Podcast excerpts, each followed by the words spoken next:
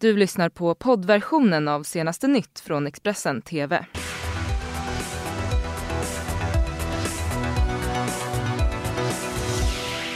Det här är senaste nytt med mig Lisa Silver och det här är våra rubriker.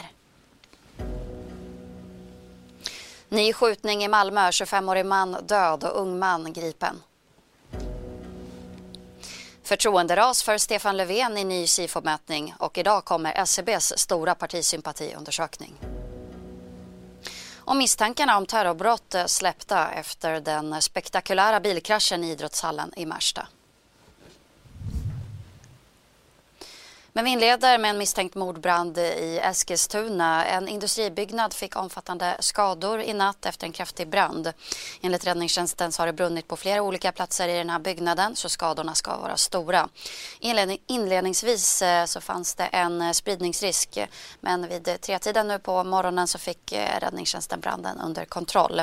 Ingen ska ha kommit till skada i samband med branden och räddningstjänsten klar, kvar på platsen för att genomföra eftersläckningsarbete och få bort all rök från de närliggande lokalerna.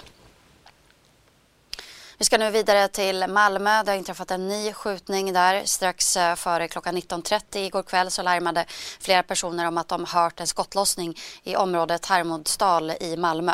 På plats på Professorsgatan så hittade polisen en skottskadad man i 25-årsåldern som fördes till sjukhus med livshotande skador. Strax innan klockan 22 igår så meddelade polisen att mannen dött av sina skador. Enligt källor till SVT så rör det sig om en man i 25-årsåldern som har ett långt brottsregister och en morddömd bror som lett ett gäng. Strax innan halv åtta på måndagskvällen hörde flera personer av sig och sa att de hade hört skottlossning på Professorsgatan i Malmö. När polis kom till platsen hittades en skottskadad man i 25-årsåldern som fördes till sjukhus. Först meddelade Region Skåne att mannen vårdades med livshotande skador och vid klockan tio på kvällen meddelade polisen att han var avliden. Händelsen utreds därför som mord. Under kvällen spärrades ett område utomhus av och kriminaltekniker och specialsökhundar var på plats. Även en helikopter deltog i arbetet kring brottsplatsen. Enligt källor till SVT är mannen tidigare dömd för brott han ska enligt SVT ha varit inblandad i bedrägeri, kortkapning och vapenbrott. SVT skriver också att han har en äldre bror som har lett ett kriminellt gäng och som är dömd för mord. Sverige har gått eh, från att eh, ha ett av världens mest jämlika skolsystem till att ligga strax över genomsnittet för OECD. Och idag så kommer den senaste PISA-rapporten att eh, presenteras. Ja, det är mycket allvarligt för Sverige. Eh, sen så var jag ju förberedd på det. Det, det, det var förväntat att Sverige skulle sjunka. Så, och... Men för resten av landet så kom det som en chock. PISA-beskedet från 2012 som visade att svenska 15-åringar presterade under genomsnittet för OECD-länderna. Men när det var dags för nästa undersökning tre år senare så hade de svenska eleverna återigen tagit sig upp över genomsnittet. En fantastiskt styrkebesked från svensk skola. Och nu är det dags igen. Under tisdagen presenteras resultatet av den enorma undersökningen som jämför skolresultatet i ett 80-tal länder över hela världen. Ett test som också har kritiserats på grund av hur resultatet tolkats och hur det används. Något som bland annat känns av i lärarkåren. Så fort ett PISA-larm kommer så blir det också så att åh, nu kommer det igen, nu kommer siffrorna. Mm. Eh, och man ska leva upp till någonting. Det blir mycket som fokuseras på det. Och vad är det vi gör för fel i skolan? Men väldigt mycket av det som en elev presterar på ett prov beror ju på, på, andra, på andra saker, på, var, på elevens bakgrund och olika förutsättningar som också spelar in när man, när man ska göra ett test. Men trots att Sverige klättrade några placeringar vid den senaste PISA-undersökningen så är det svårt att veta vilka specifika åtgärder som ligger bakom. Det här menar Margareta Serder som är lektor i utbildningsvetenskap som också står fast att utmaningarna i den svenska skolan har varit många de senaste åren stor lärarmobilitet. Många elever byter lärare väldigt ofta. Det är svårt att rekrytera lärare. Jag har fått många nya elever som har kommit sent in i skolsystemet som också har gjort PISA nu utgår jag ifrån. Och då betyder det att eh, vi rimligtvis har svåra förutsättningar eh, för ett högre resultat Men vem vet? Och vi kommer ju såklart eh, att bevaka detta när rapporten då, eller undersökningen presenteras.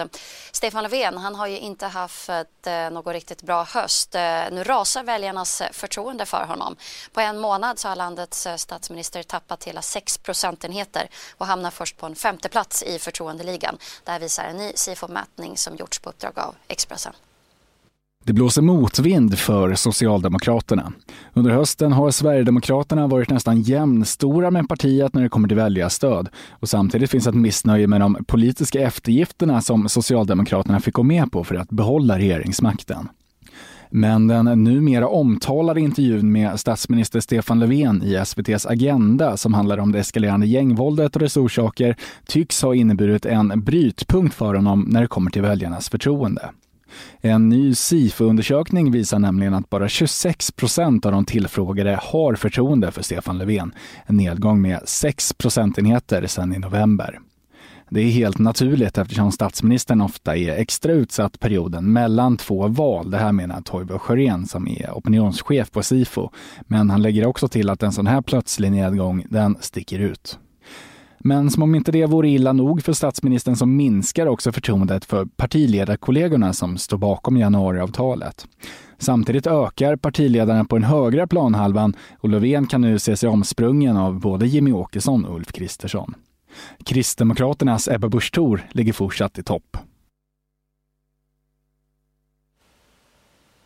Och klockan 9.30 så presenteras eh, PISA-undersökningen och den bevakar vi här i Expressen TV. Eh, jag ska säga det att eh, SCBs stora partisympatisökning kommer då alltså 9.30, inte PISA-undersökningen. Vi ska gå vidare. Det ska handla om 22-åriga Jennifer Sados. För nio år sedan så blev hennes mamma mördad av hennes pappa. Idag så är Jennifer utbildad kriminolog och drömmer om att bli utredare vid polisen. Jag tror att min mamma hade varit stolt över mig idag. Det säger Jennifer Sados som för nio år sedan miste sin mamma när Jennifers pappa mördade henne. Den 29 november 2010 var Jennifer 13 år och det var också då livet skulle ta en oväntad vändning. Jennifer satt bakom skolbänken och hade mattelektion när helt plötsligt någon knackade på dörren och berättade att hennes moster väntade på henne utanför. Jennifer kände direkt på sig att något hemskt hade hänt. Min moster berättade att min pappa hade dödat mamma. Mordet på hennes mamma, Karla Sador, inträffade i en trappuppgång i stadsdelen Öxnehaga i Jönköping. Knivmordet blev mycket uppmärksammat och det hade kunnat förhindras, menar Jennifer och många andra, eftersom det föregicks brutala hot från pappan kvällen före. Ärendet granskades senare av JO som i ett utlåtande riktade kritik mot utredarna för att de inte agerat snabbare. Pappan dömdes till livstidsfängelse i tingsrätten medan hovrätten tidsbestämde straffet till 18 års fängelse. Jennifer säger att hon aldrig kommer kunna förlåta honom för mordet och att hon inte kan förstå hur man som pappa inte kan tänka på konsekvenserna. Mordet på mamman ledde till att Jennifer ändrade sina framtidsplaner och i somras blev hon klar med en utbildning till kriminolog. Jennifer tror inte att hon skulle valt den här vägen om inte mamma mördats. Jag tror att hon skulle vara jättestolt över att jag har tagit mig så långt. Att jag lyckats bra i skolan, kämpat på mina studier. Hon har varit min drivkraft i alla år. Panik utbröt i Vikingahallen i Märsta i helgen efter att en bil kraschat in i väggen under en pågående handbollsmatch. Och nu kommer nya uppgifter i utredningen där åklagaren bland annat tillbakavisar att det skulle finnas en misstanke om ett terrorbrott.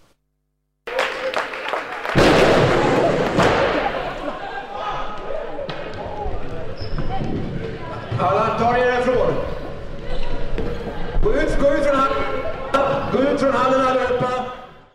Det var en känd 29-årig våldsbrottsling som under lördagen körde en bil genom väggen på en idrottshall i Märsta enligt Aftonbladet.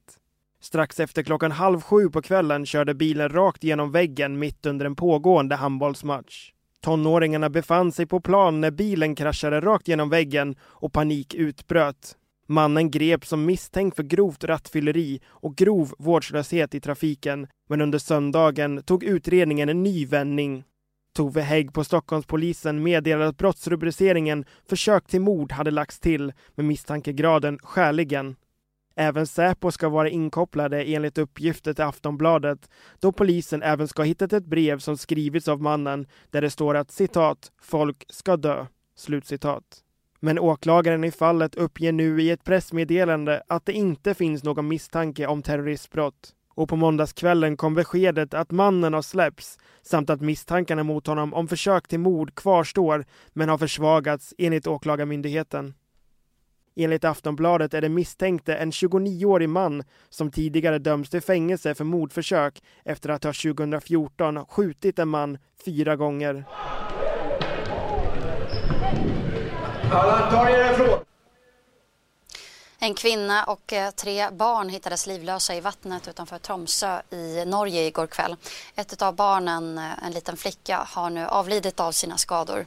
Det var vid halv sextiden igår som eh, polis och ambulans larmades till området Fageräng i Tromsö efter att förbipasserande sett en barnvagn och spår som ledde ner till vattnet. Det här skriver NRK. Polisen utreder nu om det rör sig om en olycka eller ett brott. Enligt polisen så är alla fyra utländska medborgare brukare och anhöriga har underrättats. Tromsö kommun har också upprättat ett eh, kristeam. Det ska nu handla om klimattoppmötet i Madrid. Igår så inleddes det och eh, idag så väntas också svenska Greta Thunberg att anlända till Lissabon för att sen ta sig vidare till Madrid. Och eh, vad kommer man då att ta upp ehm, under det här mötet? Eh, kan vi vänta oss några konkreta resultat? Ja, vi ska höra vad Mette Kalin McVeigh har att säga om detta. Hon är chef för klimatprogrammet på den liberala tankesmedjan Fores. Alltså, jag hoppas ju på att man kan lösa det här artikel 6 som handlar om hur länder handlar med varandra eller samarbetar för att eh, då sänka eh, utsläppen. För om man får artikel 6-reglerna klara då är det ju jättebra för att eh, det är ju sån här marknadsmekanism som gör det billigare för länder att sänka utsläppen och då kan man göra det snabbare också. Så då kan man höja ambitionen. På klimatspråk så en höjd ambition eh, snabbare eh, utsläppsminskningar. Så att om man får det rätt så kan det bli jättebra. Men samtidigt så finns det jättemånga komplexa detaljer och små smyghål som vissa länder försöker få in. Eh, så att det kan bli jättedåligt. Och då är det bättre att vi inte får någon artikel 6 överhuvudtaget. Eh, så att jag hoppas på att det blir bra, men eh, om det inte blir bra så är det bättre att vi får ingenting och att vi skjuter upp för, förhandlingarna ännu mer. Ehm, men eh, ja, man vet inte. Det är, tyvärr så tror jag inte att det kommer några stora ambitionshöjningar. EU ska ju ha toppmöte den 12 december. Eh, och då får vi vänta och se om eh, de, resten av EU eh, kan övertyga Polen och några andra om att man ska gå till netto nollutsläpp 2050. Men hittills har det inte sett så jättepositivt om att ens EU kommer eh, höja sina ambitioner. Kungaparet eh, de tvingades att skjuta fram avresan till Indien och statsbesöket där eh, efter tekniskt fel. Men väl på plats eh, så var kungen på bra humör och betonade att klimatfrågan var en av de mest pressade på agendan under samtalen med presidenten. We are looking forward to discuss uh, interest of common, common interest and like, like industry, like development, energy, environment questions and even I think, I hope, which is my subject, discussing about uh, forestry, also very interesting for the climate climate situation in the future. So there are many, many interesting issues which we are going to discuss during this uh, day. So I'm looking forward very much so. Fler nyheter hittar ni alltid på vår sajt Expressen.se. Vi är strax tillbaka. Du har lyssnat på poddversionen av senaste nytt från Expressen TV. Tillförordnad ansvarig utgivare är Klas Granström. Ett poddtips från Podplay. I podden Något Kaiko garanterar östgötarna Brutti och jag, Davva, dig en stor dos skratt. Där följer jag pladask för köttätandet igen. Man är lite som en jävla vampyr. Man har fått lite blodsmak och då måste man ha mer. Udda spaningar, fängslande anekdoter och en och annan arg rant. Jag måste ha mitt kaffe på morgonen för annars är jag ingen trevlig människa. Då är du ingen trevlig människa, punkt. Något kajko, hör du på Podplay. Därför är gardinerna.